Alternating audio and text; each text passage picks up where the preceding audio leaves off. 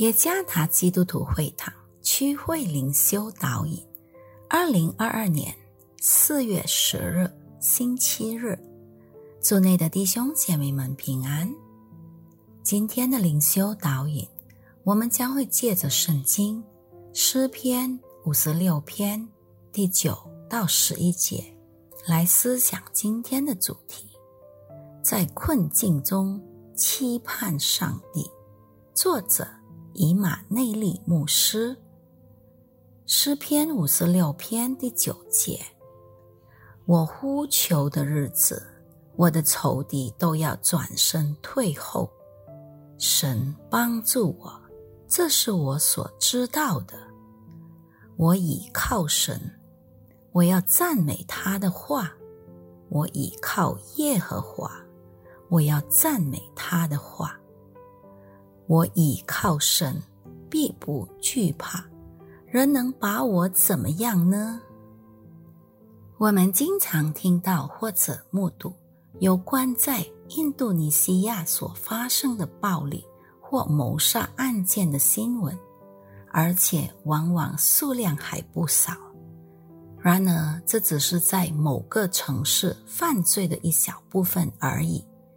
也是人类对彼此犯下非人道行为部分的证据。大卫在他的生命中也经历了无数的压力，以及敌人试图夺取他生命的攻击。尽管如此，当他惧怕时，他仍要依靠他的上帝。大卫说道：“人能把我怎么样呢？”人类确实可以互相压制、诽谤、仇恨，甚至互相残杀，但这当然不是大卫对他问题的回答。大卫信心十足地说：“我呼求的日子，我的仇敌都要转身退后。上帝帮助我，这是我所知道的。”参看第九节。来自仇敌的压力和攻击几乎连绵不断，他们傲慢地对大卫作恶，企图想要杀害他。即便如此，大卫对上帝充满信心，以至于他没有陷入恐惧。他坚信他的敌人不能把他怎么样，因为上帝与他同在。参看第五节十到十二节，大卫也相信上帝会在那些作恶的人伸张正义。上帝看到他所承受的烦恼和悲伤，大卫相信上帝必定会帮助他，并赐他喜乐。这种喜乐体现在他偿还他向上帝所许的愿。以及将感谢祭献给上帝。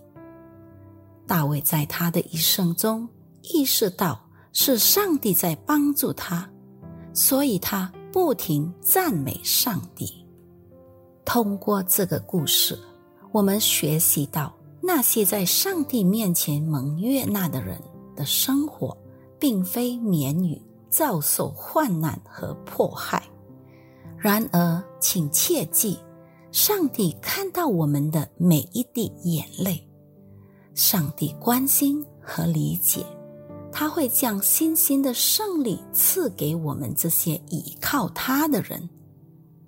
面对苦难时要有耐心，我们应当常常喜乐，以及向上帝献上感谢赞美，这样我们就能经历到上帝的帮助。以及明白上帝在苦难和窘迫背后的旨意，持续相信和期盼上帝，因为倘若是他的旨意，他必定会帮助我们的。愿上帝赐福于大家。